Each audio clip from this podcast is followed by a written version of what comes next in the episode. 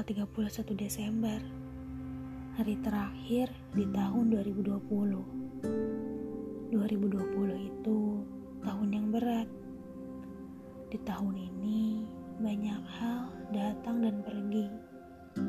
Aku ingin berterima kasih dengan 2020 yang telah hadir dan meninggalkan jejak.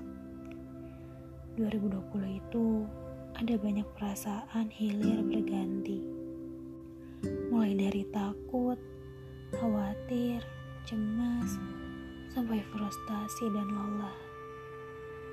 Tapi dari 2020 ini, sekalipun keadaan buruk tak kunjung hilang, ada banyak perasaan positif yang menetap. Jadi lebih mengenal syukur, sabar, juga bisa lebih menerima keadaan. Dari 2020 ini juga, aku belajar berusaha dan bertahan.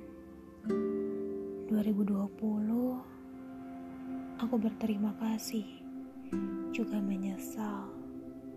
Maaf, karena sampai saat ini masih banyak hal yang tidak tersampaikan.